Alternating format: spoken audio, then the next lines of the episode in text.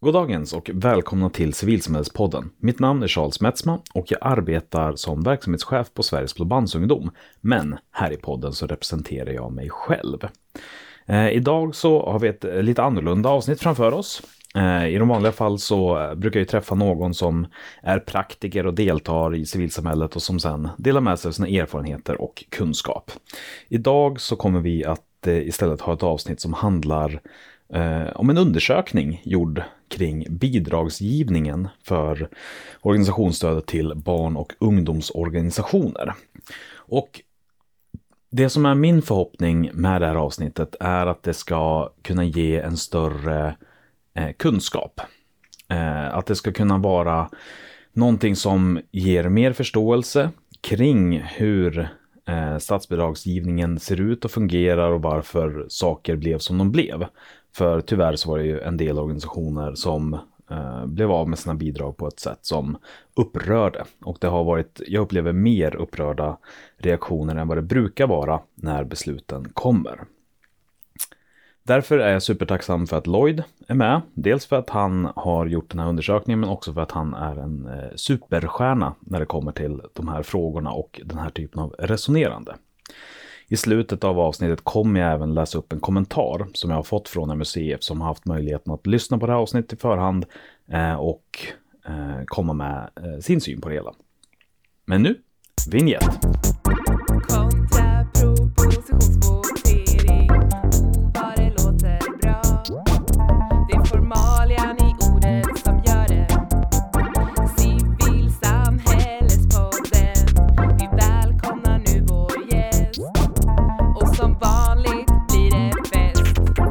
Idag sitter jag här tillsammans med Lloyd Baltz som eh, precis som mig själv är här som sig själv. Välkommen! Tackar, tackar. Och eh, ja, första frågan är som vanligt, hur blev du en engagerad människa?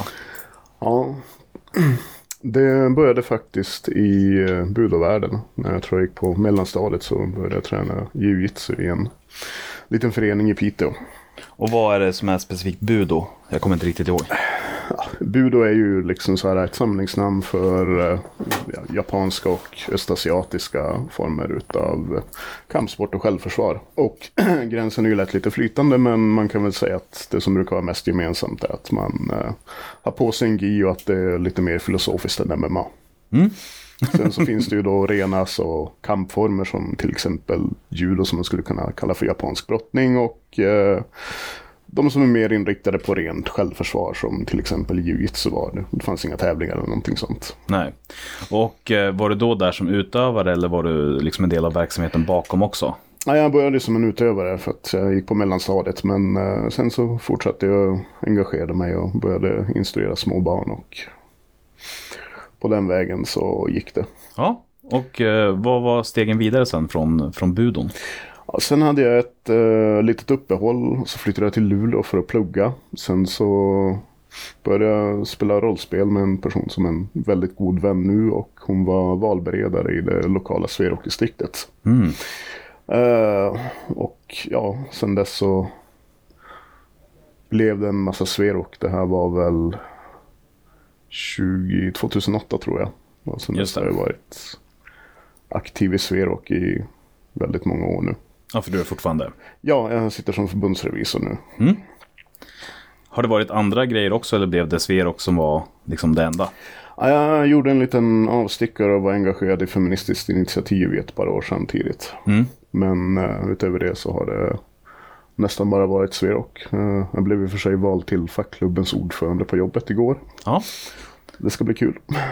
Eh, och du jobbar ju också idag inom, eh, Ja. inom sfären. Eller Ja, det kan man säga. Jag jobbar på en organisation som heter Folkbildningsrådet som eh, det är inte en myndighet men en organisation som agerar i myndighetsställe och fördelar statsbidrag till studieförbund och folkhögskolor.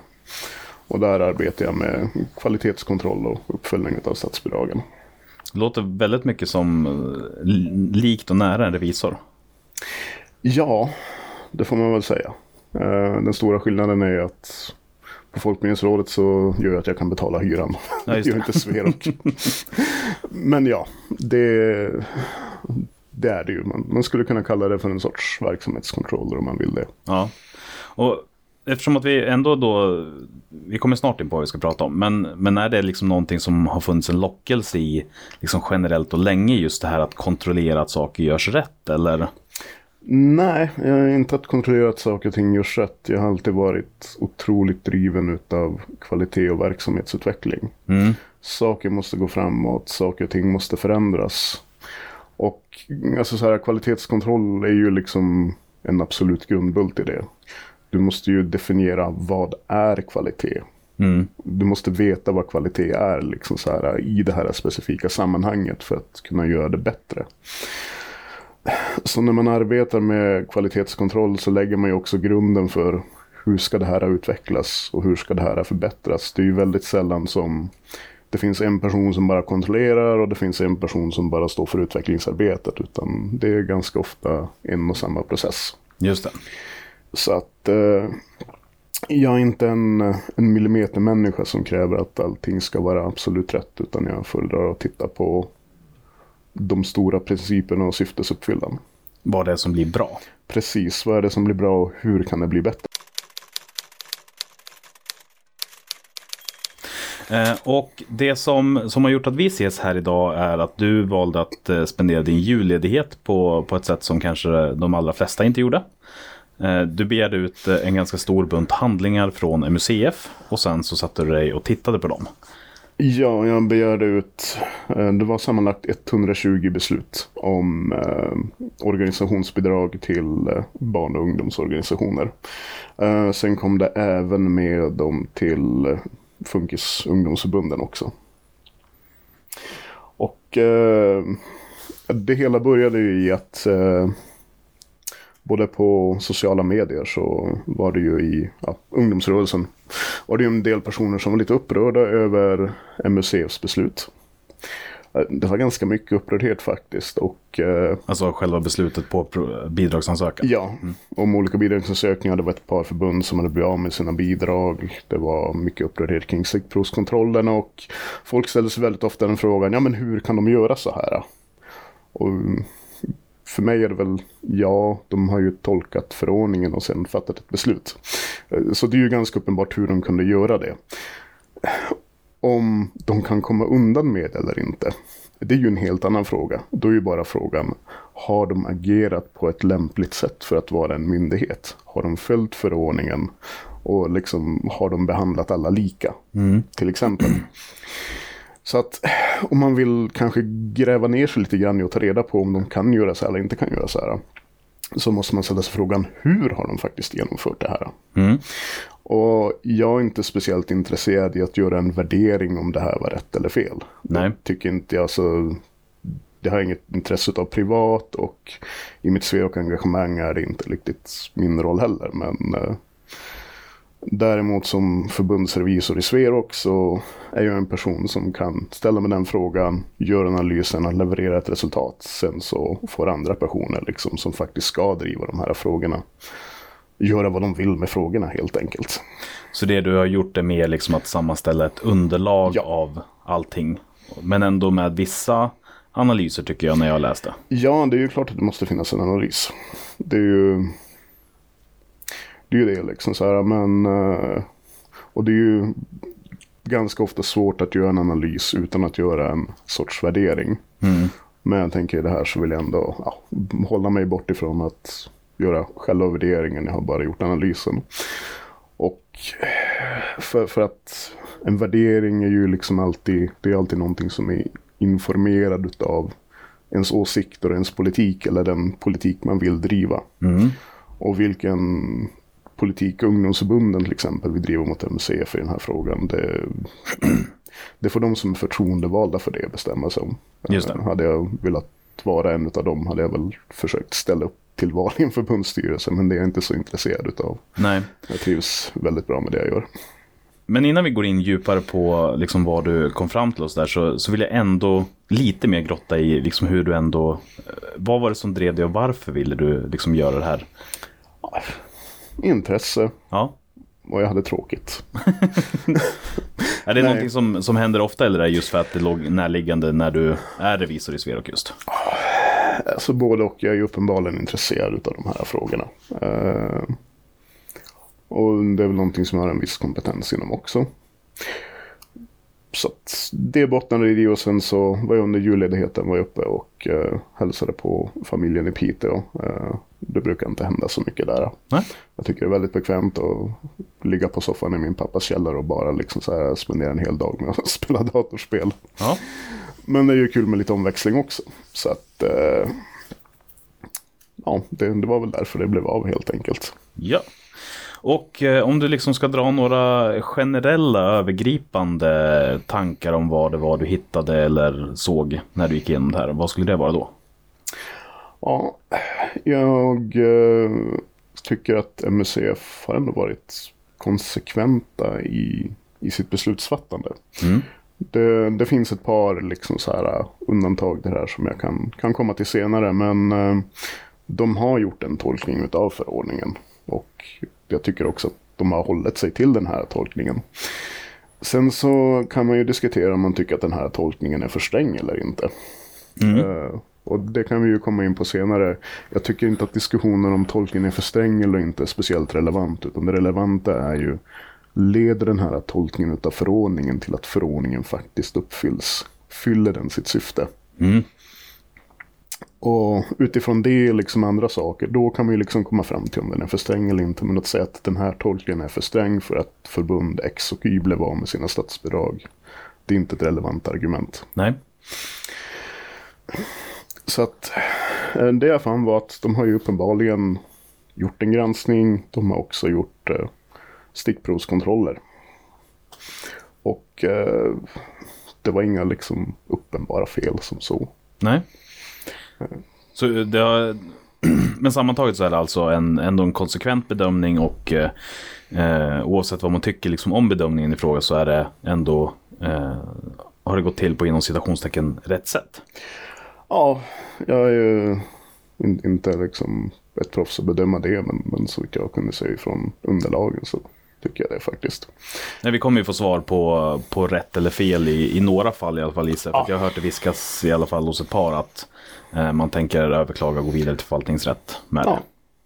det. Eh, och det är väl upp till dem att avgöra rätt och fel då. Ja, och där finns det ju. Det har ju skett flera överklaganden förut och vissa av dem har ju fått rätt eller delvis rätt också. Så att, Mm. eh, Ja, för det har ju ändå skett en viss... Eh, dels införandet, möjligheten att överklaga besluten är ju relativt ny. ja, Eh, men också, eh, nu vet jag inte om du har den historiska bakgrunden, men skulle du säga att tolkningen av förordningen har ändrats någonting också? med, med, med alltså, när vi kommer att gå in och prata om de vissa specifika saker. En sak de har slagit ner på. Det är ju en stadgekonstruktion som är väldigt vanligt i folkrörelserna. Där en medlemsförening i ett förbund behöver förbundsstyrelsens godkännande för att kunna ändra sina stadgar. Mm. Eh, och det är ju någonting de har anmärkt på ganska många organisationer här och eh, även strykit uh, medlemsföreningar och därigenom medlemmar ur vissa ansökningar i stickproven. Och den här konstruktionen har ju liksom funnits en, ja, i folkrörelsetermer ur minnes tider. Eh, det var ju några upprörda personer från nykterhetsrörelsen på sociala medier som sa att vi har varit organiserade så här i 120 år. Vi är äldre än Sveriges demokrati. Ja men precis och eh, då kan man ju bara dra slutsatsen att det här har ju funnits. Det här är ju en stadgekonstruktion som har funnits väldigt länge. Det har inte varit ett problem förut. MUCF har så vitt jag har förstått årligen samlat in stadgarna från alla förbund. Sen så gör de ju fördjupade kontroller med jämna mellanrum. Jag tror 2015 var den senaste. Och då fick ju inte den här konstruktionen så vitt jag vet kritik. Mm. Så att där kan man ju dra slutsatsen att ja, här har de gjort en, en ny tolkning. Eller en skärpt tolkning beroende på hur man vill se det. Just det. Och det, det stora som jag ser som skulle kunna vara, alltså man kan ju självklart ha olika tolkningar, men det stora problemet blir väl när man gör en förändrad tolkning eh, retroaktivt. Ja, det är alltså... Det, då, då, då har ju inte folk en chans att ändra sig för till. Nej, Om man utgår från att det alltid är bättre att liksom samarbeta och agera i samförstånd. Så är det ju, blir det ju definitivt problematiskt. Mm. Men samtidigt får man ju också säga att det, det är ju liksom deras fulla rätt som myndighet att göra det här. Ja, självklart. Sen ska man ju också tillägga att bara för att en myndighet får göra A så är det inte nödvändigtvis det lämpligaste att Nej. göra. Så att det är ju, ja. Men, men det är också jättesvårt att spekulera i för att vi vet ju inte vad deras bakgrund och vad deras motivation till den här ändringen är. Nej. Eh, Det kan ju till exempel vara kopplat till utredningen som Statskontoret gjorde utav MSF där de bland annat påpekade att det behövs ett förstärkt kontrollarbete. De påpekade också att ni skulle, MSF skulle behöva mer resurser till just alltså uppföljningen utav organisationsbidragen. Vilket de också fick. Ja, ja, men det är jättebra. Jag tror jag läste också i den utvärderingen att det var 13 heltider på MUCF som arbetade med lite drygt 400 bidragsmottagare. Mm. Och det är ju en, får man ju säga, en väldigt stor arbetsbörda. Mm. Och då blir det ju svårt att göra liksom, alltså, vad ska man säga, djupgående och kvalitativa bedömningar efter de förutsättningarna. Ja, och särskilt eftersom att om vi nu, för den som inte är insatt i liksom ungdomsorganisationsbidragen så är det ju ändå en ganska djup granskning som sker. Med eh, allt ifrån dels då på förbundens nivå med förbundets stadgar, förbundets sammansättning, årsmötesprotokollen, den ekonomiska redovisningen och liksom hela balletten där.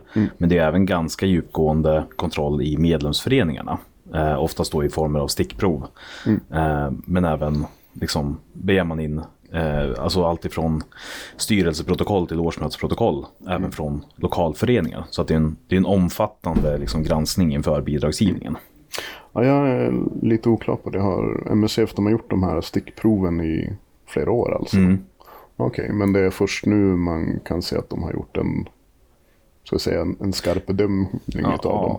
Eller? Ja, det, nu blev jag osäker när du sa så. Ja. Eh, jag vet inte om de har gjort stickproven tidigare, inser jag nu.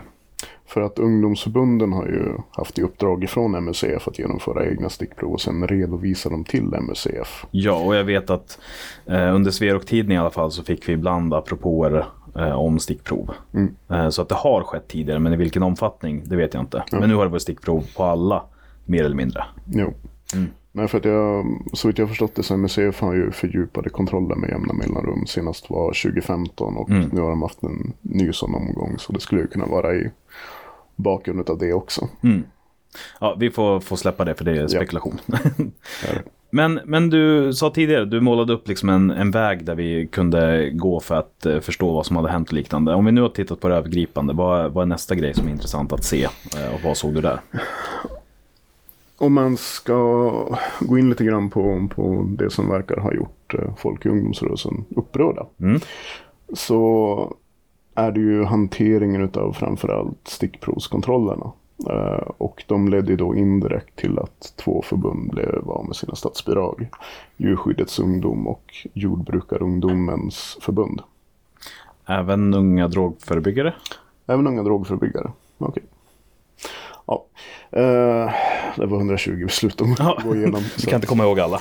Nej, det är så kommer alla på rak arm. Men eh, det som hände var ju då att eh, MUCF begärde in bland annat stadgar och årsmötesprotokoll ifrån ungdomsförbunden.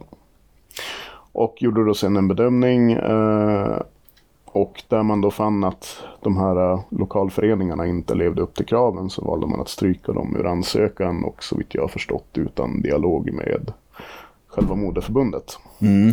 Eh, Det är ju värt att tillägga att de gjorde ju inte den här strykningen liksom för minsta möjliga uppkomna fel. Nej. Men eh, de har varit ganska tydliga med att just eh, villkoret för demokratisk uppbyggnad och styrelsen och revisorers oberoende ifrån varandra, det är liksom saker de tycker är väldigt viktiga. Så att det har ju fått nedslag på det har till exempel varit så att om en styrelsemedlem också sitter i valberedningen eller att en eh, person från styrelsen har gått blivit direkt revisor, vilket då innebär att i MUCFs perspektiv så kommer de att granska sitt eget arbete, för granskningen sker från MUCF i samband med ansökan sker då året efter det aktuella verksamhetsåret. Ja, men även i de flesta organisationer så finns det ju ett överlapp. Ja. Eh, Eftersom att det inte går direkt exakt på kalenderåret. Ja. Och sen då också den här principen om att lokalföreningen måste fullständigt själv förfoga över sina egna stadgar. Det är ju där det har de flesta strykningarna har skett så att säga. Eh, och det som hänt här då är att MUCF har konstaterat att om det är så att lokalföreningens stadga säger att moderförbundets förbundsstyrelse måste godkänna stadgeändringar, då har MUCF bedömt att den här föreningen utgör inte underlag för statsbidrag. För att den lever inte upp till kravet på att demokratisk uppbyggnad som finns i förordningen. Mm. Och eh, då har vi tidigare konstaterat att den här konstruktionen har funnits väldigt länge. Mm. Så att det här är ju uppenbarligen en, en ny tolkning kan man väl säga. Mm. Men, men det som jag tyckte var mest anmärkningsvärt just på den specifika punkten, det är väl att eh, man inte har gått vidare från stickprovskontrollen. Och det vet jag också att du skrev Ja, i dokumentet. ja det, det tycker jag också. På ren svenska, jag tycker det är jättekonstigt. Ja. Om du gör en stickprovskontroll och så ser du att fyra utav fem föreningar får underkänt. Mm. Och man stryker dem, alltså det är så pass illa Ja. att man säger att det här är inte underlag. Då är ju den rimliga slutsatsen att fråga sig, ja men hur många fler föreningar här kan vara ett problem? I ett fall, så vitt jag kunde se, så gjorde de ju faktiskt utökade stickprovskontroller och det var ju då Sveriges elevkårer, Svea. Där man stickprovskontrollerade sammanlagt 21 föreningar, fem i den första omgången och sen 16 i den andra. Och där tror jag 18 utav dem fick underkänt eller anmärkningar. Då konstaterade MUCF nu har vi stickprovskontrollerat 10% utav förbundets föreningar. Och om du stickprovskontrollerar 10% utav förbundets föreningar och nästan alla får underkänt eller anmärkningar. Då är ju den logiska slutsatsen att man bör ifrågasätta om den här organisationen överhuvudtaget ska uppbära statsbidrag. Enligt den tolkningen fall. Ja, nu, nu ser jag ifrågasätta. Jag Ja. säger inte liksom att ta bort statsbidragen Nej. för dem. Utan med ifrågasätta så menar jag att man bör fråga, ja, helt enkelt göra en fördjupad granskning. Mm. Eh, Men så har inte gjorts, vad jag kan se utifrån de här besluten. Sen om det är någonting som kommer senare eller inte, det, det kan jag inte se om. Nej, för, för det jag tänker, det man hade kunnat välja att stryka dem och säga att det här det är en markering att eh, gör inte så här i framtiden. Men, men där det liksom ändå blir lite knepigt är ju när, när det liksom indirekt då har orsakat att vissa organisationer inte har fått sitt statsbidrag alls. Att Ja. de hamnade liksom under andra tröskelvärden med antal medlemmar och sådär. Den, den andra grejen som jag också tycker är konstigt för att de har ju anmärkt på flera riksförbund i när de har kontrollerat riksförbundens granskning att den här stadgekonstruktionen finns. För det står i riksförbundets stadgar att riksförbundets förbundsstyrelse måste godkänna medlemsföreningarnas stadgeändringar. Då vet ju MUCF att den här konstruktionen finns i organisationen. Och det här är en konstruktion vi har strykit medlemsföreningar i andra organisationer för. Men man har inte valt att inte agera på det där och då. Nej. Nej precis, för står det i förbundets stadga att alla måste göra det så är det rimliga antagandet att alla gör det. Ja, Om då dessutom stickproven visar att så sker i stor utsträckning. Någonting annat som, som var så här direkt. Eh, Nej, det var väl de två stora strukturella sakerna som jag reagerade på mest. mm, Sen så finns det ju små saker man kan ha åsikter om också. som till exempel. Nej, jag kommer inte på någonting på rak arm för min del utifrån mitt perspektiv. Men jag vet att på, på sociala medier har jag ju sett folk ha många åsikter om mycket som finns här inne. Mm, Jag har valt att liksom, ja, men, fokusera på, på det större perspektivet helt enkelt. just det. Just det, vardagens civilkurage var det också som, som föll under i stickproven. Eller kom under tröskelvärdet. Eh, sen som man ska prata om ja, men, vilka tolkningar Mm. leder det här till och liksom, vilka slutsatser kan man dra om tolkningarna så finns det ju en hel del intressanta exempel. Eh, Dövblind ungdom till exempel fick ju sin statsbidragsansökan anslagen för att de, de bedömdes inte vara en helt självständig organisation. Mm. Och då kan man tillägga att Dövblind ungdom är ju då en avdelning i Sveriges dövblindas förbund. Mm. Och de har ju en, en, en väldigt ska vi säga, långtgående självständighet inom förbundet. Men en av sakerna MUCF anmärkte på var ju då att eh, Dövblind ungdom hade angett moderförbundets postgiro och bankgiro. Mm. Och där bedömer MUCF att det är centralt att föreningar och förbund har en egen ekonomisk förvaltning. Mm. Och jag helt enkelt förfogar över sin organisation. Och det kan ju liksom så här principiellt tycka är ganska rimligt att om man ska prata om demokrati så måste man ju prata om självständighet. Ja, och eh, liksom att ha eh, makten över medlen med ett eget konto ju... Ja. Eh, nu hävdar ju då dövblind ungdom bestämt att de förfogar verkligen över sina egna medel. Eh, så det här är ju då en fråga om någonstans ska man säga de administrativa processerna som Mm. garanterar att det här sker och inte sker. Eftersom att det är Dövblindas riksförbund, Postgiro och Bankgiro så har de ju alltid den administrativa rätten att bara föra över pengarna någon annanstans. Mm. Det, det är liksom, de kan göra det. Eh, och där kan jag ju förstå hur man från en myndighetshåll ser att det, ja, men, att det är en röd flagga. Mm. Sen så tycker jag också att man kan diskutera den frågan utifrån förordningen. Om vi ser att det finns, ja, enligt Wikipedia, ungefär 2000 personer i Sverige under 65 som är dövblinda. Mm. Det är väldigt, väldigt ovanligt och speciellt döva blir ju väldigt mycket färre på grund av cochlear-implantaten. Mm. Så då kan man ju fråga sig. Är det rimligt att en så liten målgrupp ska krävas vara en egen organisation? För att, Mm. att de skulle ha liksom 200 dövblinda medlemmar. Det skulle kräva att de organiserade 10% av Sveriges dövblinda. Och då pratar vi om alla under 65. Så det är ju inte ens nödvändigtvis säkert att det finns 200 dövblinda personer under 25 i Sverige. Nej, och det finns också det tröskelvärdet på 200 medlemmar för funkisorganisationer. Ja. Så då kan man ju, men man kan ju också säga att, ja, men, att vara dövblind i dagens samhälle, det, det är ju en utmaning. Mm. Det här är ju liksom en, det är en väldigt speciell målgrupp. Mm. Så att om man nu ska uppfylla liksom så här förordningstexten i relation till just den här målgruppen. Det är liksom... Då kan man ju fråga sig, är det kanske inte värt att tumma lite grann på just de kraven? Om man i praktiken ser att det här fortfarande är en helt självständig organisation, men de uppfyller inte alla administrativa principer. Mm. Och, och det här är ju liksom diskussioner jag tycker är väldigt viktiga att ha. Mm. Leder det här verkligen till att förordningen uppfylls? Och jag tänker att om man nu ska från ungdomsförbundens håll få en argumentation mot MUCF så är det också där man behöver argumentera. Men, men skulle du säga nu efter att ha liksom gjort det här arbetet och läst eh, förordningen och tillägget till det. Eh, ser du att, att man har gjort den mer... Um, är det rules as intended eller rules as written? Uh, är väl min fråga. Och för att förklara det så menar jag då alltså är det det som är skrivet som tolkas väldigt uh, bokstavstroget eller är det mer att man försöker läsa in vad ambitionen är och efterleva det som det egentligen borde mena? Det är jättesvårt att säga Ja. utan att veta hur MUCF har resonerat och vilka bedömningar de har gjort. Så det går inte riktigt att svara på den frågan. Nej. Om jag ska vara helt ärlig.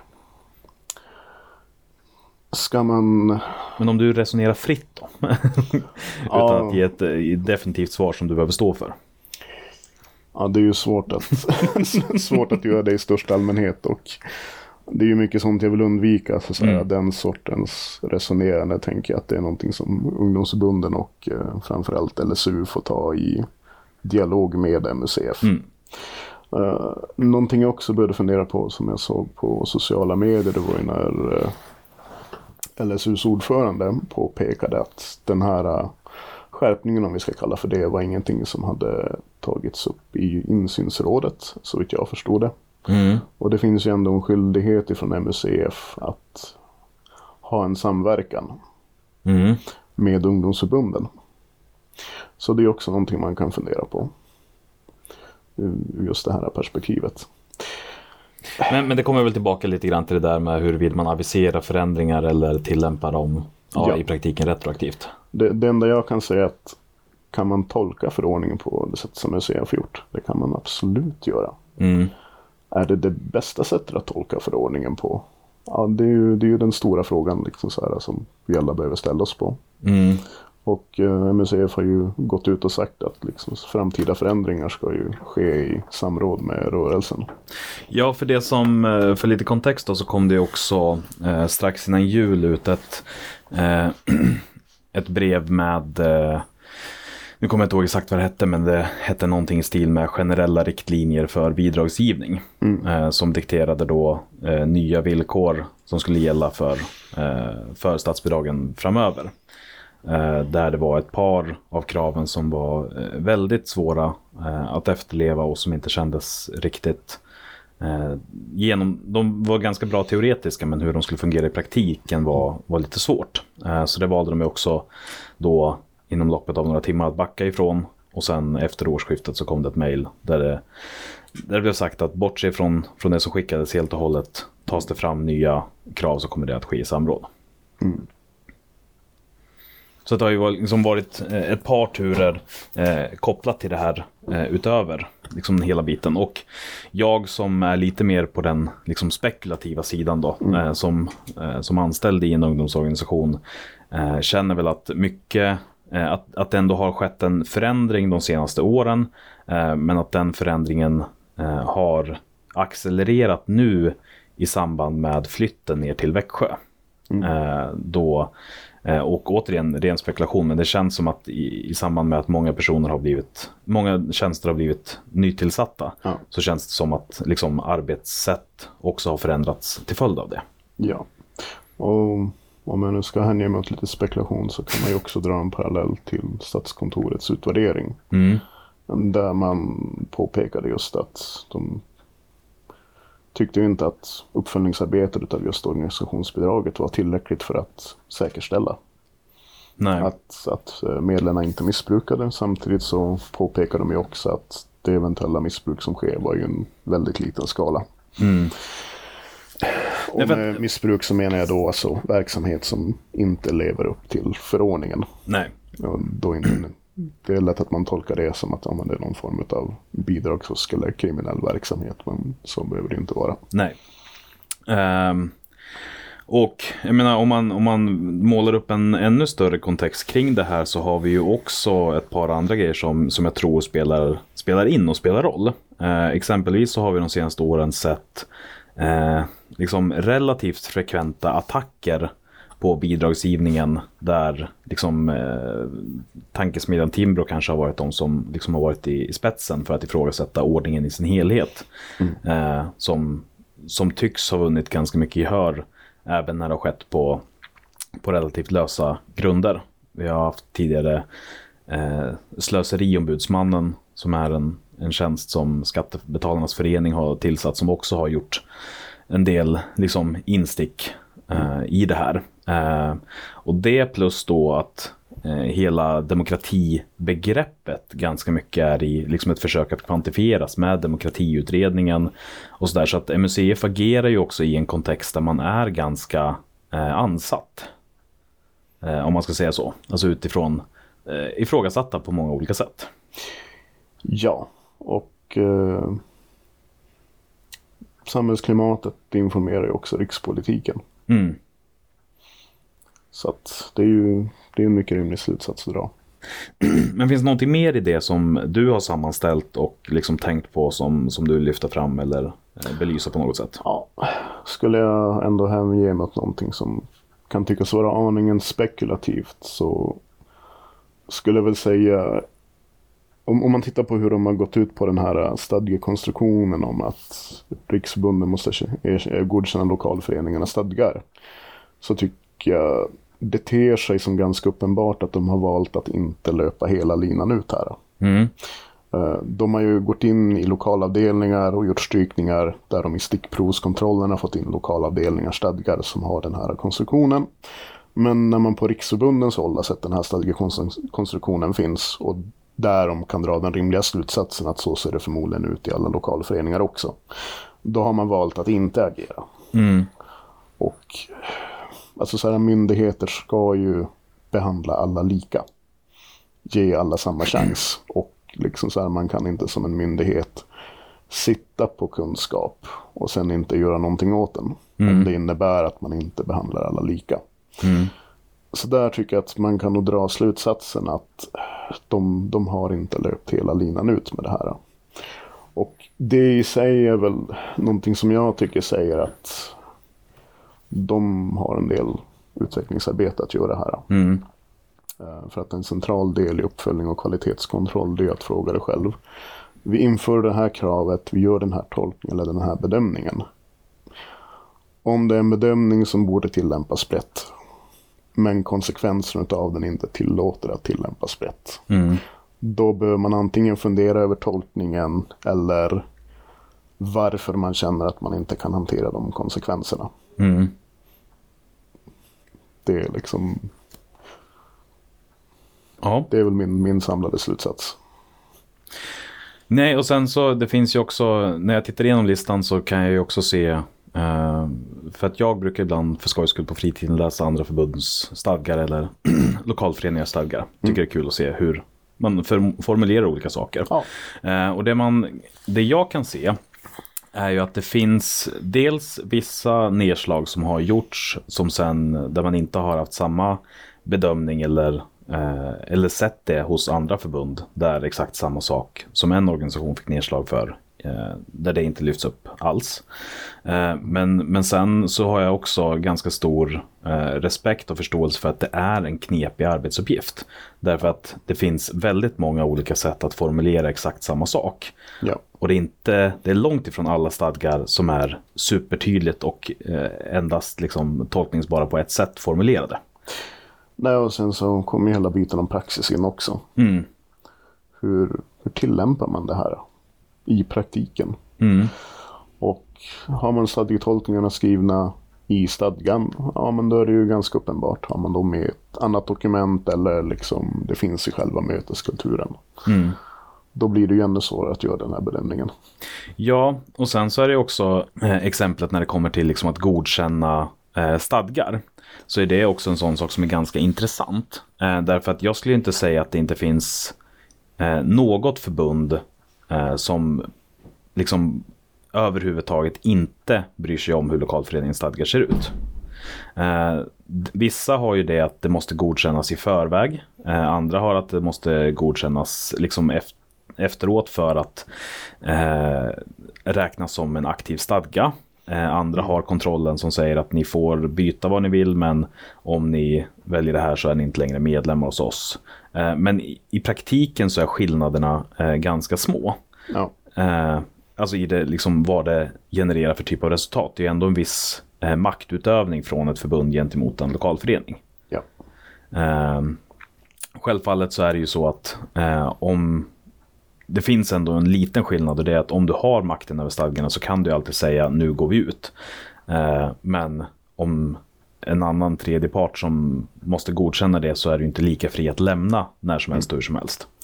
Nej, och där har ju också, det är ju en punkt som MUCF har varit väldigt tydliga med. Att du måste som medlem aktivt visa att du vill vara med.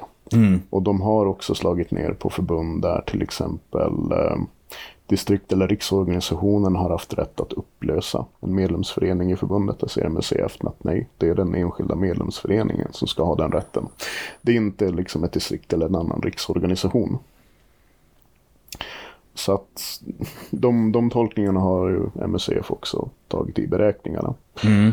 Och jag, det är också därför i den här sammanställningen jag har gjort så har jag ju liksom delat in det på kategorier och där är det kallat för lokal autonomi. Någonting som är väldigt återkommande. Att de är väldigt noga på att det är den lokala föreningen som ska utöva ett självbestämmande.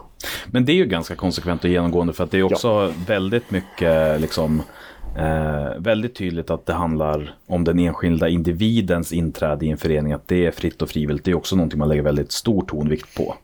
Att du som förbund ska kunna bevisa hur och när varje enskild individ sa att ja, jag vill vara med i den här föreningen. Ja, men det gäller också faktiskt föreningarnas medlemskap i förbundet. Ja. För att om föreningen inte har möjlighet att gå ut ur förbundet. Till exempel för att det skulle kunna kräva en stadgeändring om det står i stadgan att förening X är medlem i förbund Y.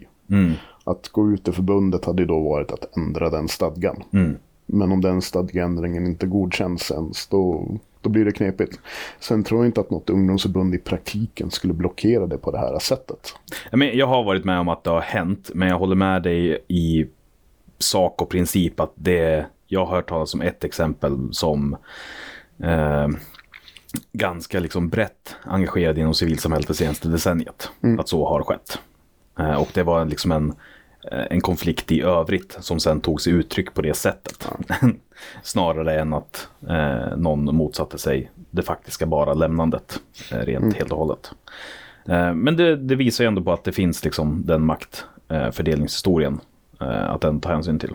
Men det som jag tycker är, som, som är intressant däremot, det är ju mellantinget mellan det här. Och det är ju de organisationer som har eh, stadgar eh, där man på eh, förbundets årsmöte beslutar om vilka stadgar som ska vara gällande i alla lokalföreningar i hela organisationen.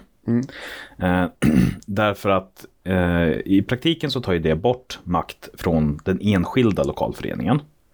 Eh, Men samtidigt så är det ju fortfarande liksom ett demokratiskt förfarande där liksom inte en enskild entitet har makten över. Som i det exemplet med förbundsstyrelsen måste godkänna Eh, en stadgeändring för att den ska bli gällande.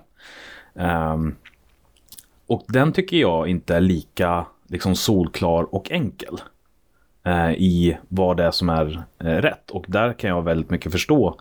Ja, det är ju framförallt uh, människor engagerade i UNF och UNIS som har bedrivit den linjen. Liksom att det, som då också eh, lägger sig på argumentet att det här är äldre liksom än demokratin överhuvudtaget. De kan man ju bortse ifrån. Men liksom just rent principiellt att det ändå finns ett demokratiskt förfarande där, där varje förening ändå har makt över vilka stadgar som ska finnas. Ja, jag tycker man ska vara tydlig på att MUCF säger ju inte att ni inte är demokratiska i Nej. det här. Det de säger är att vi bedömer inte att ni är, har en tillräckligt demokratisk uppbyggnad för att uppbära statsbidrag. Och det är ju två helt olika saker. Ja, ja förstås. Bra förtydligande. det, men, men ja, jag, jag förstår vad du menar. Alltså så här, man kan ju definitivt... Det, det är ju ingen som säger att de här organisationerna är odemokratiska bara för det. Och jag tycker inte man kan, kan göra det argumentet på något rimligt sätt heller. Nej.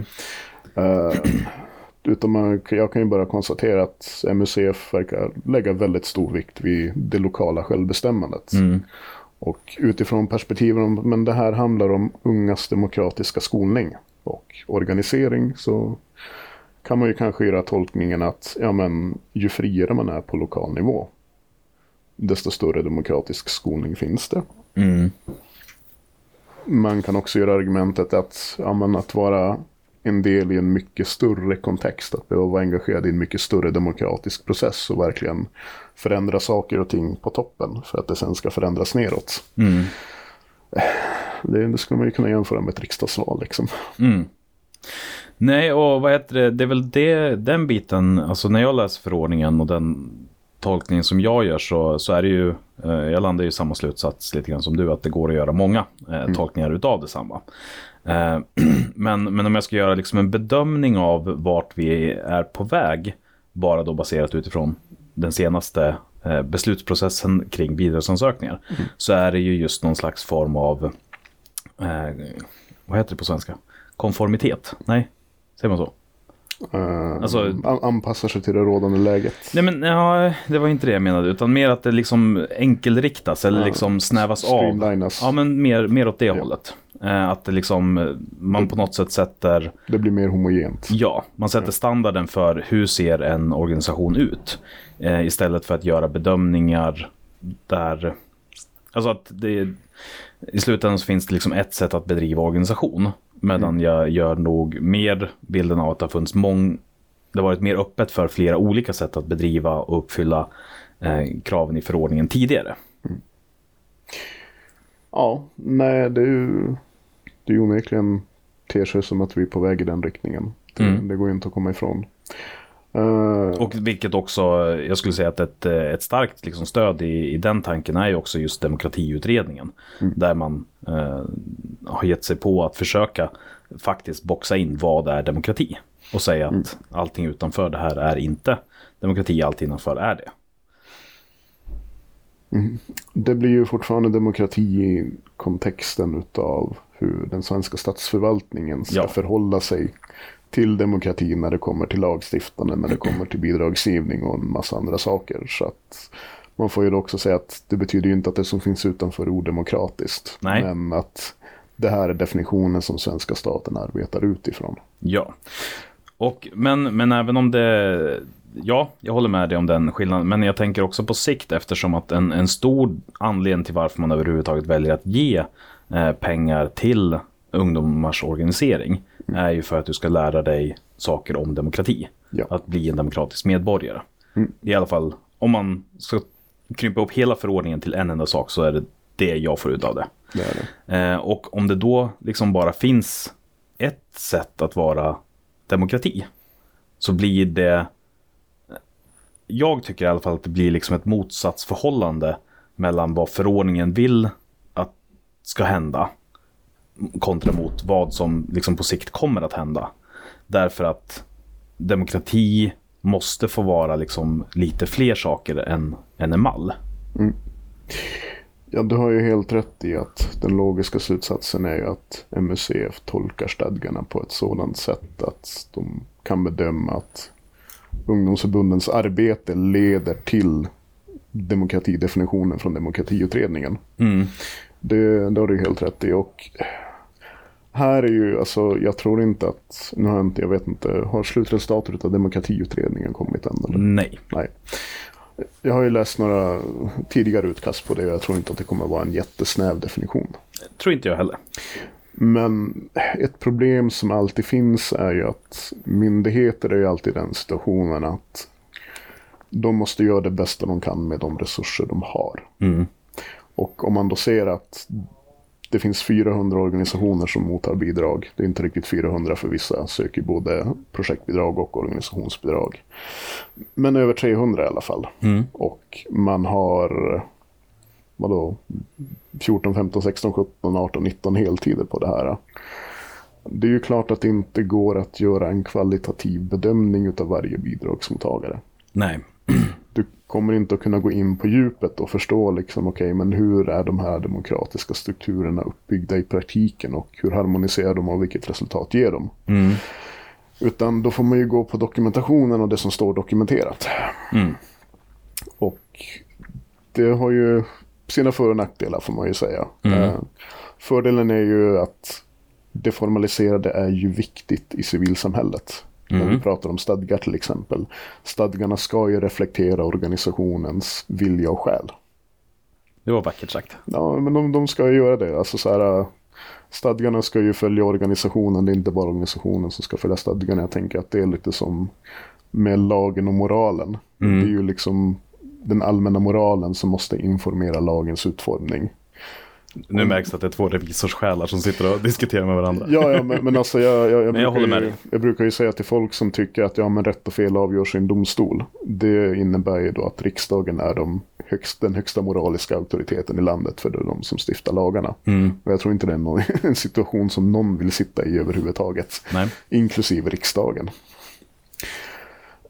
Så att på det sättet så kan det ju vara en fördel. Det är ju en fördel för att det tillåter ju en statsförvaltning som inte tar liksom speciellt mycket resurser som behöver till allting annat. Mm. Nackdelen är ju att det ställer ju högre krav på ungdomsförbunden i hur man formulerar sig. Mm. Och det kommer ju kanske till och med att skapa ett incitament för att man ska formulera sig på ett sådant sätt som kanske inte riktigt speglar verkligheten. Mm. Alltså att vi hamnar i en pappslöjd situation. För att man bedömer att men vi uppfyller ju allting det här i praktiken med våran verksamhet. Men sättet vi gör det på ryms inte inom den administrativa definitionen. Nej. Då får vi ju liksom formuleras på ett sådant sätt så att det ser ut som att det ryms inom den administrativa definitionen. Mm. Och det här är ju en jättesvår balansgång. Ja. Och sen så, vad heter det, det som, den dimensionen som man också lägger till är ju just det att, eh, som du har försökt liksom styra in ett par gånger, att det här handlar ju i, liksom i slutändan om eh, ett val också som varje organisation har att göra. Liksom, vill jag vara en del av det här och rätta mig efter de liksom, reglerna som finns eller liksom, kommer vi att befinna oss utanför det? Eh, för att vi ja, men, vi har en annan idé om hur verksamhet ska bedrivas. Mm. Samtidigt som, som jag tycker att det kommer att bli tråkigt om det skulle vara så att vi liksom glider iväg och hamnar där. Att det liksom blir en tydligare grej som många fler väljer mellan. Eh, just eftersom att då kommer eh, det vara svårare att uppfylla förordningen. Så som Ja. liksom var hela syftet från början. Så att jag liksom, det, jag fun- det jag funderar mycket på det är väl helt enkelt om man befinner sig i något läge där man i strävan att uppfylla förordningen tappar bort vad uppfylla förordningen innebär. Alltså, eller om, eller om det bara är jag som målar upp liksom för stora hjärnspöken utifrån för lite data. Alltså, det är ju alltid en risk i alla organisationer. Att man tappar sin själ helt enkelt. Mm. Det går ju inte att komma ifrån. Det är ju någonting man hela tiden måste fundera på. Alla förbund har ju en syftesparagraf. Alla förbund har ju en värdegrund. Eh, och man kan ju ta nykterhetsrörelsen som ett exempel till exempel. Det finns i, om, man ser till ungdomen i Sverige idag, så att det sups ju mindre än vad det någonsin har gjort på väldigt, väldigt länge. Jag som är född på den tidiga delen av 80-talet, senare delen av 70-talet, vi hade ju en ganska bisarr alkoholkultur får man ju säga. Det var, det var väldigt mycket festande. In, inte alla liksom så här, men sen tar jag min lillebror som är född på 90-talet. Alltså det är ju en, det är en jättestor skillnad. Mm. Det innebär ju inte att det är fler som har blivit nykterister. Men att det finns en mycket, mycket större liksom andel ungdomar som väldigt ofta väljer bort alkohol som en social umgängesform. Och det här ökar ju då liksom trycket och intresset på drogfria drogfri samvaro, alltså så här umgänge där det är drogfritt. Det kan vara drogfria fester, drogfria danser, alltså Allt ifrån saker att göra till saker att dricka. Ja, precis. Allting så här. Och här kan jag förstå att det kan ju då tycker, man kan ju tycka att det borde vara ganska frestande för nykterhetsrörelsen att liksom gå och röra sig ditåt och eh, bedriva verksamhet och ha medlemmar som inte är helnyktra men som är nyktra i all verksamhet de har tillsammans med nykterhetsrörelsen. Mm. Men där har ju så vitt jag har förstått det, och det här vet ju du betydligt bättre än mig, har man ju fortfarande valt att vara ganska benhårda på just nykterhetslöftet. Det är lite olika från, från organisation till organisation. Vissa har ju gått ifrån det i viss mån och har kanske uppdelning av att du kan välja om du vill vara helt nykter eller om du bara stöttar den nyktra idén och så där. Mm. Eh, Det ser lite olika ut från, från organisation till organisation. Mm. Men, men jag skulle säga att den stora, stora klumpen har ju fortfarande liksom nykterhetslöftet som, som en central del av vilka de är. Och nykterhetslöftet är ju också någonting som gör att många inte går med i nykterhetsrörelsen. Mm. Fast de är nyktra nästan hela tiden men kanske tycker att ja, men det är ju gott att ta en bärs om man går och liksom så här, käkar en hipsterburgare någon gång. Mm. Eller är nykterister rakt igenom men, men har en annan identitet kopplat till det. Ja. Vi ser, och nu glider vi in på det, bara för att det där jobbar så tänder igång. Men, men liksom generellt, liksom hälsogrejen är en ganska stor del. Alltså att Ja. jag är hälsosam. Jag är inte nykterist, men jag är hälsosam, alltså dricker jag inte alkohol någonsin. Så att det, det finns liksom också en viss eh, begreppsapparat som är intressant i sammanhanget. Eh, Men vart var det vi var egentligen? Ja men prata om den här frestelsen med att äh, glida ifrån vilka man är och varför. ja, men glida ifrån det som är själen i sin verksamhet för att nå ut till en större massa. Mm. Och, och det här är ju liksom, men det är också en fråga om samhällsförändring. Alltså, Mm. Samhället förändras och med samhället så förändras ju tidsandan eller samhället förändras tidsandan. Mm. Vilket du nu föredrar. Så att alla organisationer måste ju på något sätt också hänga med i utvecklingen. Mm. För att fortsätta vara relevanta. För att kunna ha medlemmar och för att kunna fylla ett syfte överhuvudtaget. Ja, och det som jag tror ändå gör att det här liksom är annorlunda på till exempel projektbidrag har vi haft länge och det finns många som liksom eh, gnyr och knör kring det, eh, jag inkluderat. Eh, men, eh, men det är liksom en verklighet som man kan eh, förhålla sig till på ett annat sätt tror jag än just eh, organisationsstödet. Därför att det har liksom varit en, en grundbult som, som man kan förlita sig på på ett annat sätt än andra mer tillfälliga former. Därför att du vet att oavsett vad vi gör så, så länge vi uppfyller kraven eh, för statsbidraget från MUCF, vilket inte är så svårt som ett nationellt förbund, så kommer vi få liksom en peng för att kunna bedriva kärnan av verksamheten. Och sen utöver det gör vi roliga saker. Och det är väl just att det är ett liksom ruckande på det som, som jag tror många uppfattar som liksom en, en kärna. att det är det som kanske har gjort att i år är speciellt. Ja, nej men absolut. Det, det håller jag helt med om. Och för att förstärka det så kan man ju också säga att för att de här projektbidragen faktiskt ska träffa rätt och ge ett bra utfall så måste du ju ha en stabil organisation i bakgrunden. Det behöver då inte nödvändigtvis vara organisationsbidrag från MUCF. Men för att du ska kunna komma på en bra projektidé, söka projektet, du ska kunna förvalta alltihopa. Om du har anställda i projektet till exempel, vilket är väldigt vanligt, så du måste ha vettig arbetsmiljö, du måste ha kontor, datorer. Alltså, det finns mycket kring administration och förvaltning runt ett projekt som kostar pengar. Och det här är ju varför projektmedel väldigt sällan täcker liksom de totala kostnaderna man har för projektet. Så därför är ju också organisationsbidragen de är väldigt viktiga. För det också. För att de skapar ju så många förutsättningar. Det skapar en infrastruktur.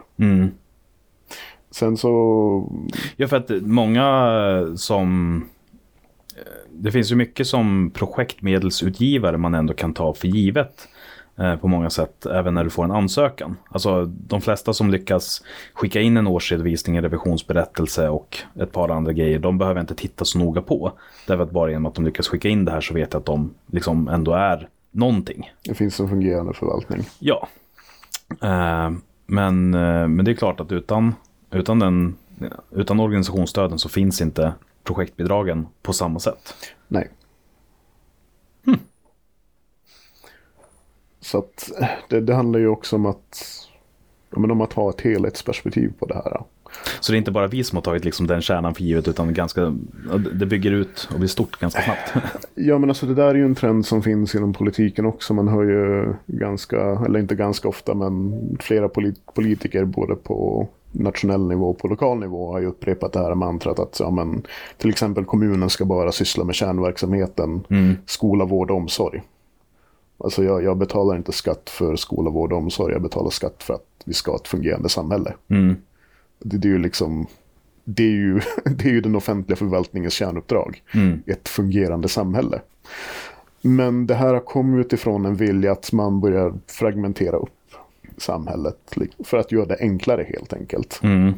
Och, och vill säga, ja, men, så att man reducerar den offentliga sektorn till en tjänstetillhandahållare som alla andra. Och då är det ju lätt att titta på att, att man bara ser på organisationsbidragen separat, man ser på projektbidragen separat, att allting blir liksom enskilda stuprör. Och att man tappar helhetsperspektivet på det. Och det är ju en trend som tycker jag i alla fall har funnits ett tag nu. Och och det är ju någonting vi i civilsamhället och framförallt i ungdomsrörelsen bör vara väldigt, väldigt vaksamma på. För att de effekter som ungdomsrörelsen och civilsamhället producerar det är inte någonting som låter sig kvantifieras enkelt i ett new public management-tänk. Nej. Det, det här liksom, vi pratar ju om ett livslångt lärande. Vi pratar om en livslång demokratisk bildning. Och dessutom där det... Eh, vad heter det? Ola, eh, Ola Söderholm, en komiker, hade en ganska rolig bit förut om, eh, om liksom just när eh, privatiseringen av vårdföretagen var ganska stor. Alltså just det här att det är, det är så svårt att kvantifiera eh, värdet av en god vård. Eh, därför att du kan inte i upphandlingen skriva minst fyra klapp på huvudet per dag per patient. Och sen liksom konstatera att det är det som gör att en människa blir glad. Ja. Ehm, och på samma sätt så är det ju här också. Precis som du är inne på att det går inte. Vissa saker som görs i civilsamhället som är finansierat av skattemedel. Om man tittar på det liksom isolerat bara i sig själv så blir det ganska konstigt att förstå varför det är någonting som finansieras av gemensamma medel. Ja. Men det behöver ju hela den kontexten. Ja, så man tittar på värdet utav det som produceras utav de här statsbidragen. Titta på värdet utav själva verksamheten. Alltså det, det ideella arbetet som de här bidragen möjliggör. Så är ju värdet är ju så oerhört mycket större. Alltså den fria marknaden kan ju inte liksom konkurrera med det. på, på något sätt överhuvudtaget. Nej, jag tror inte heller det. eh, som det ser ut i dagsläget. Och de- den yttersta, nu blir vi filosofiska men den yttersta frågan jag skulle vilja ställa det är om man säger att det finns ju, man kan ju alltid säga att det finns en självisk motivation i ett ideellt engagemang. Jag gillar det här, därför är jag engagerad i det och jag vill att fler ska ta en del av det här så att det verkligen blir någonting. Mm. Det är jättebra, men det är någonting jag tycker är per definition osjälviskt.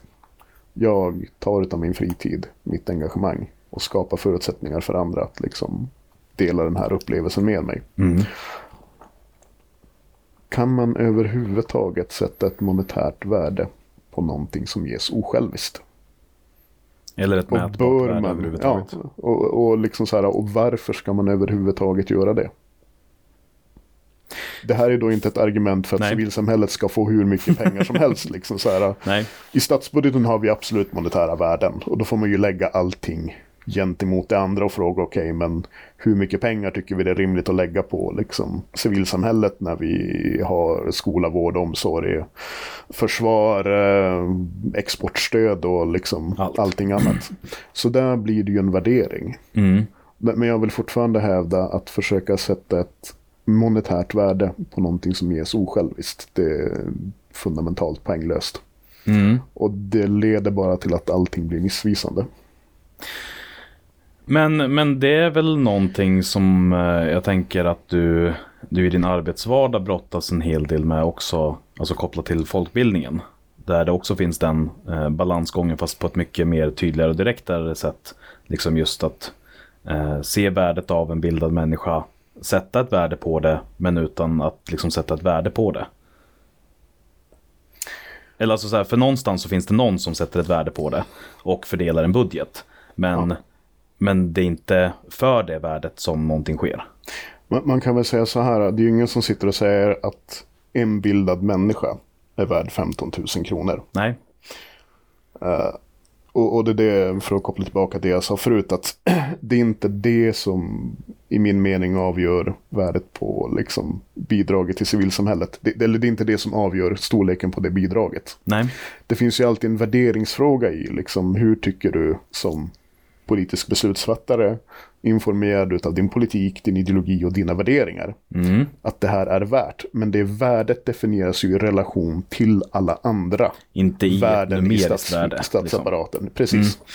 Så det är inte en fråga om att du får si och så många tusen kronor per bildad människa. Det är inte så liksom politiken bestämmer hur mycket statsbidrag som ska ges. Nej, Utan det är ett värde i förhållande till alla andra värden som statsapparaten skapas. mm. Så det tycker jag är viktigt att hålla i perspektiv. Eh, Samtidigt som vi också befinner oss i en verklighet där vi får eh, ut ett väldigt tydligt och konkret värde per medlem och per förening. Alltså om vi nu rullar tillbaka till ungdomsrörelsen igen. Ja, men det varierar ju från år till år. Jo, Vi, vi får ju inte liksom tusen kronor i anslag per medlem ifrån staten, utan det är en fast summa. ja, Som går till organisationsbidrag till ungdomsförbund. Och sen så fördelar man ju det här igen på alla liksom så här, det som råkar finnas där. det som råkar finnas där. Så det Just kan ju variera väldigt mycket. Just det, för feedbacken tillbaka till budgetprocessen är inte nu har det ökat så här många människor, då kommer det så här mycket mer pengar. Nej, där kan man ju säga att den feedbacken händer ju överhuvudtaget inte för att eh, antalet föreningar och antalet förbund har ju ökat. Mm. Så att de relativa bidragen har ju minskat väldigt mycket. Dubbla stodet.se för den som är superintresserad. Ja, men precis. Det, det, det är jättebra liksom. Bedriv lite politisk påverkan för någonting du tycker är viktigt. Mm. Eh, för att koppla tillbaka till din fråga angående min jobbvardag så kan jag väl säga så här. Någonting man alltid brottas med i de här fallen. Det är ju att inte låta det som lätt låter sig kvantifieras definiera kvalitet. Mm, jag tror jag är med på vad du menar, men du får gärna fortsätta. Nej men eh, det, det är ju en, om, om vi går tillbaka till det här jag sa med MSCF med liksom så här eh, hur mycket resurser man har. Och man måste göra det bästa man har med de resurser man har. Mm. Då är det ju alltid väldigt frestande att ta det som är enklast att mäta. Antal medlemmar, antal föreningar. Precis och säga att det här är kvalitet. Men antal medlemmar, antal föreningar säger ju ingenting om kvaliteten överhuvudtaget. Men samtidigt kan det inte finnas någon kvalitet om det inte finns medlemmar och föreningar. Nej. Så vi vet att okej, men det här är en grundläggande förutsättning. Och för staten finns det ändå eh, ett visst kvalitetsvärde i hur många som är involverade. Alltså i totalen. Ja, alltså så här, sitter du... Eller ja, i och för sig. Det, nej, jag tar tillbaka vad jag sa för att alla skulle kunna vara engagerade men inte få någonting. Ja. Nej. det, det man kan säga så här att rapporter, och utvärderingar destilleras ju alltid uppåt. Mm. Och sitter du i riksdagen till exempel så du har ju inte tid att liksom, hela riksdagen har inte tid att sitta och lyssna på en kvalitativ beskrivning utav mervärdet som allting i statsapparaten skapar. Nej. Utan det måste ju kvantifieras på ett sätt så att det blir rimligt inom liksom tidsbegränsningen att kunna ta till sig det här, kunna fatta besluten och kunna informera. Och det är där vi kommer tillbaka till resursfrågan återigen. Mm. Och då är ju frågan, ja men det som lätt låter sig kvantifieras, det är det som lätt låter sig mäsas. Det som snabbt och enkelt kan visa på ett värde. Mm. Att man låter det definiera kvalitet. Man säger att det här är det som är kvalitet, för att det är lätt att mäta det. Och det är lätt att visa på den här effekten. Mm. Och det är en jättevanlig fälla. Och det är en fälla man måste brottas med hela tiden. För att eh, man har ju inte oändliga resurser i Men- men- statsförvaltning. Men är det så mycket en fälla egentligen eller är det det vi har valt att liksom organisera vårt samhälle runt? Därför att vi, det är ju väldigt få instanser där en uppfattning eller en känsla är styrande i eh, att värdera två saker gentemot varandra. Utan ofta så är det ju liksom destillerat i de här kvantifierade liksom numren som man sätter mot varandra och sen därefter eventuellt lägger på en känsla. Alltså så här, allting som är lätt att mäta är ju inte en fälla. Nej. Det kan vara väldigt relevant. Eh, Kruxet är ju att bestämma sig. Hur är det här relevant? Hur ska jag tolka det här och hur ska jag förstå det? Mm.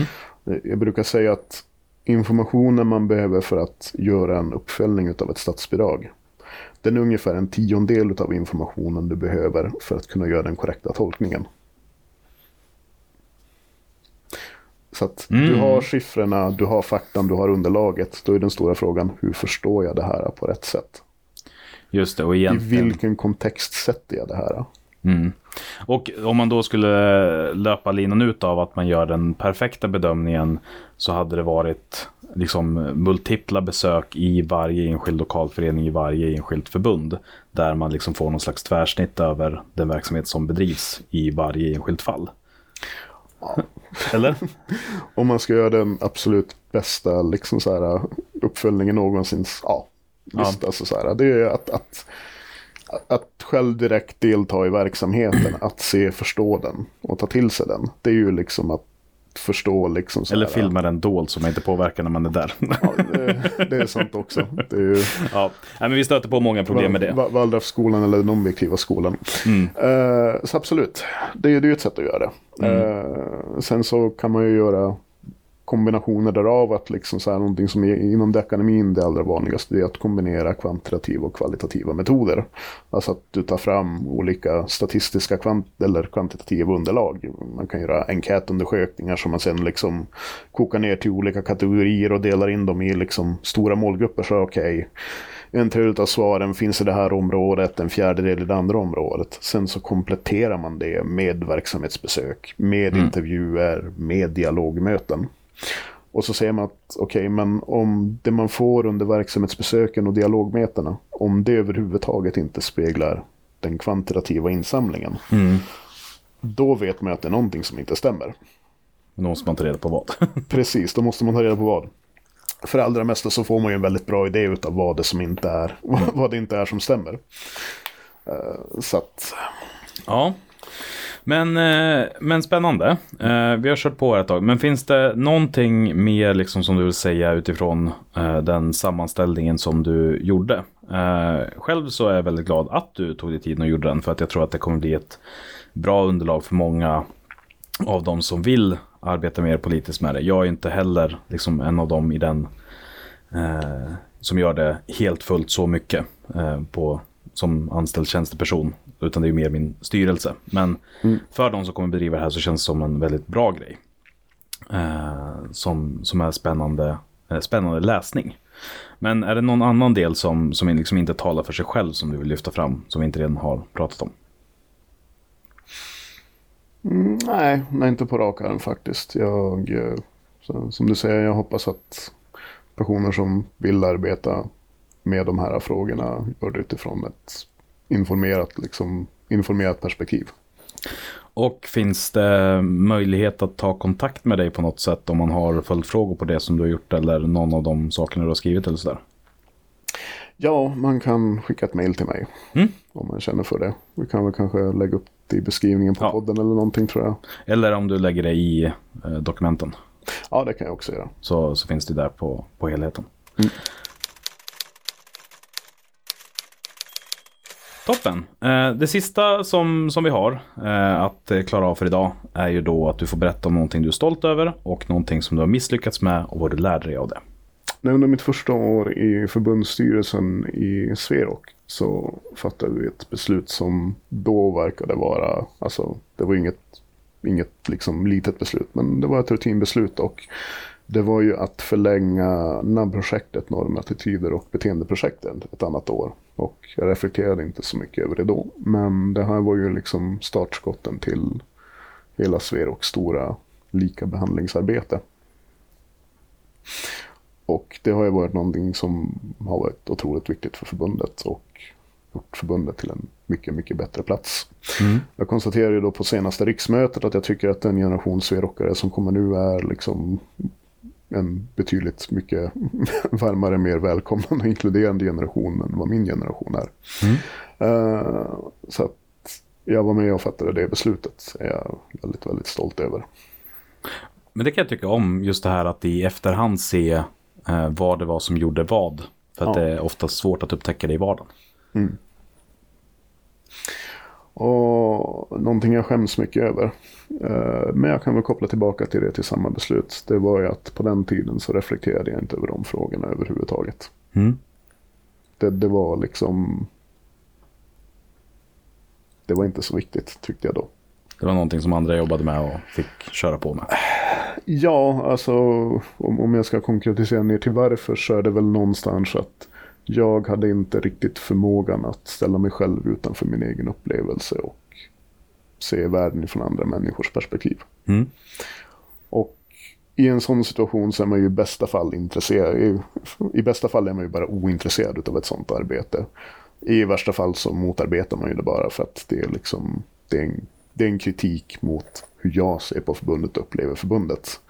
Och eftersom att jag inte kan uppleva saker på annat sätt än mitt eget så är ju det här liksom ett helt jädra orimligt perspektiv som inte är sant. Mm. Vilken eh, lika delar härlig och jobbig insikt att komma till. Ja, Men tack så mycket för att du kom och delade med dig. tack själv. Yes, och nu kommer jag då alltså att läsa upp den, eh, den skriftliga kommentar som MUCF skickade in. Eh, Det är ungefär en A4-sida, så någonstans runt fem minuter. Eh, jag kommer även, om jag gör några eh, eventuella instick, så kommer jag vara tydlig med när jag börjar prata som mig själv och när jag läser. Och från och med nu så läser jag från pappret. Citat. Kommentar på innehållet i Civilsamhällspodden om bland annat MUCFs tolkning av förordningar vid bidragsbeslut. MUCF är glada över det starka engagemang som finns i Sveriges barn och ungdomsorganisationer och civilsamhällsorganisationer. Att fördela bidrag är en ansvarsfull och viktig uppgift där rättssäkerhet och professionalitet står i fokus för myndigheten. Vi välkomnar en öppen och saklig dialog om till exempel tolkningen av förordningar och vill, vi vill bidra med öppenhet och transparens i hela bidragsprocessen. När det uppstår oklarheter är vi angelägna om att kunna föra dialog direkt med organisationerna. Därför är vi glada över att LSU, Sveriges ungdomsorganisationer, bjudit in oss till ett möte för att diskutera de frågor, bland annat de som tas upp i podden. Från MUCF kommer bland annat eh, generaldirektör Lena Nyberg och Kenneth Kondrup, som är chef för avdelningen för statsbidrag på MUCF, att delta. Några av de uppgifter som fördes fram i podden som vi vill några av de uppgifter som fördes fram i podden vill vi kort kommentera redan nu. I podden sägs det att vissa överklaganden av MUCFs beslut lett till att den klagande fått helt eller delvis rätt i förvaltningsdomstolen. Vi har hittills fått in 33 överklaganden av beslut. I alla de ärenden som hittills avgjorts har domstolen gett MUCF rätt i våra bedömningar. Ett ärende är ännu inte avgjort och ett ärende återvisades till MUCF på formella grunder. Det påstås i podden att flera organisationer i år har blivit av med sina bidrag. Av totalt 123 ansökningar avslog vi 11 stycken. Av dessa 11 hade endast tre organisationer fått bidrag tidigare. Av dessa tre var det endast en organisation som fick avslag på grund av stickprovskontroller. Eh, och nu pausar jag citerandet lite grann för att där vet jag inte, när, när jag tittar på underlaget som, som finns från eh, det som Lloyd har tagit fram så, så upplever jag att det är flera som har fått avslag på grund av stickprovskontrollerna. Men det kan ju vara någonting som, eftersom att vi pratar ganska mycket om det avsnittet också, så kan det helt enkelt vara så att vi tolkar det lite olika, vad det var som avgjorde stickprovskontroller eller inte. Eh, men, men eftersom att det är några organisationer som har eh, fått avslag på grund av vad som har hänt i stickprovskontrollerna, att man därefter har eh, trillat över den här gränsen, så antar jag att det är där skillnaden är, huruvida det var stickprovskontrollen i sig, eller om det var effekterna av föreningarna som ströks i stickprovskontrollerna. Jag vet inte riktigt. Nu fortsätter jag citera. Enligt MUCFs rutin så gör vi stickprovskontroller. Dels på nya organisationer och dels då det skett en kraftig ökning eller minskning av medlemsantalet. Vi gör även utökade kontroller på slumpvis utvalda organisationer motsvarande 10% av det totala antalet ansökningar. När MUCF upptäcker brister i en organisation gör vi påpekanden till organisationen. Så har skett i 33 bifallsbeslut för 2020. Påpekandet är formulerat så att organisationen får en rimlig chans att rätta till bristen till nästa ansökningsomgång. Alternativt vill vi att organisationen kommer in med en handlingsplan som beskriver hur man arbetar för att lösa bristen. MUCF har endast i två fall villkorat bifallsbesluten för 2020 och då på grund av att utredning fortgår. Villkoret betyder att MUCF fattar ett positivt beslut om bidrag, men vi inte betalar ut några pengar eftersom att detta är beroende eller villkorat av den pågående utredningen. MUCF har också i den senaste beslutsomgången förtydligat för organisationerna att vi i framtiden kommer att granska mer på lokalnivå genom den text vi lagt till i samtliga bifallsbeslut. Den lyder som följande. MUCF kommer i fortsättningen att ställa högre krav på organisationers redovisning av medlemmar och medlemsföreningar. Organisationen måste kunna redovisa samtliga medlemmar i samtliga medlemsföreningar, även de som inte är bidragsgrundande. I annat fall kan detta påverka organisationens möjlighet att bli beviljad statsbidrag från MUCF. Och där var den texten slut som MUCF skickade till mig. Jag är jätteglad över att de eh, gjorde det. Eh, och jag upplever att vi har haft en ganska bra dialog.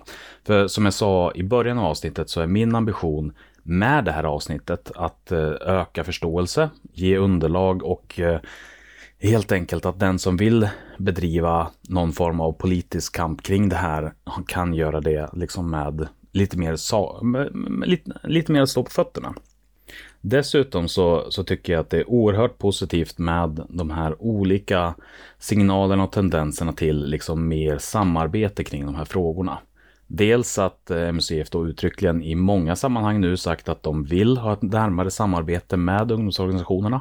Det är någonting som har efterfrågats ganska länge eh, från vår sida. Om jag nu ska kliva bort lite grann från civilsamhällespodden-rollen och lite mer utifrån liksom det jag arbetar med. Det har funnits en, en diskurs länge där det har efterfrågats. Eh, dessutom så är jag, jag ska delta på det här mötet eh, 13 februari Eh, och det kommer bli väldigt spännande eh, att se vad, liksom, vad det hela handlar om där och då. Eh, det är så att LSU har ju då bjudit in till ett möte och jag hoppas att alla som har fått den inbjudan kommer att närvara. Jag tror att det kan vara väldigt positivt att vi liksom får till en bra dialog kring de här bitarna. Och det sista som jag vill ta upp är att jag har vi pratade löst om det, så ingenting är bestämt överhuvudtaget. Men jag hoppas verkligen att vi lyckas få till eh, ett avsnitt även liksom med MUCF för att kunna fördjupa oss i vissa av de här frågorna som diskuteras. Till exempel så upplever jag att i det här svaret så saknas det helt och hållet eh, resonemang kring just tillämpandet av vissa tolkningar retroaktivt. När de eh, på 2019 års ansökan så är det 2018 års underlag som man skickar in. Och att då få reda på liksom, att vissa saker inte är giltiga, då har man ingen som helst möjlighet att liksom korrigera det, inte ens teoretiskt. Det är någonting som, som jag framförallt är intresserad av att gräva lite djupare i. Men också eh, överlag eh, få höra mer kring hur den här processen faktiskt går till. För att eh, det var ju någonting som jag och Lloyd spekulerade en del kring. Vi hade inte så mycket fakta liksom om hur exakt det här går till. Eh, så det hoppas jag att vi kan få till stånd någon gång i framtiden. Men det, Jag gör det här på fritiden och de är förstås upptagna så vi får se. Det finns inget som helst löfte utan en, en önskan. Det var allt för den här gången. Eh, Det finns i avsnittsbeskrivningen finns det länk till de underlag som har pratats om i podden. Eh, så om du eh, vill göra en egen analys eller titta på det hela så finns det att tillgå där. Det var det för idag. Hör av dig så hörs vi igen om två veckor.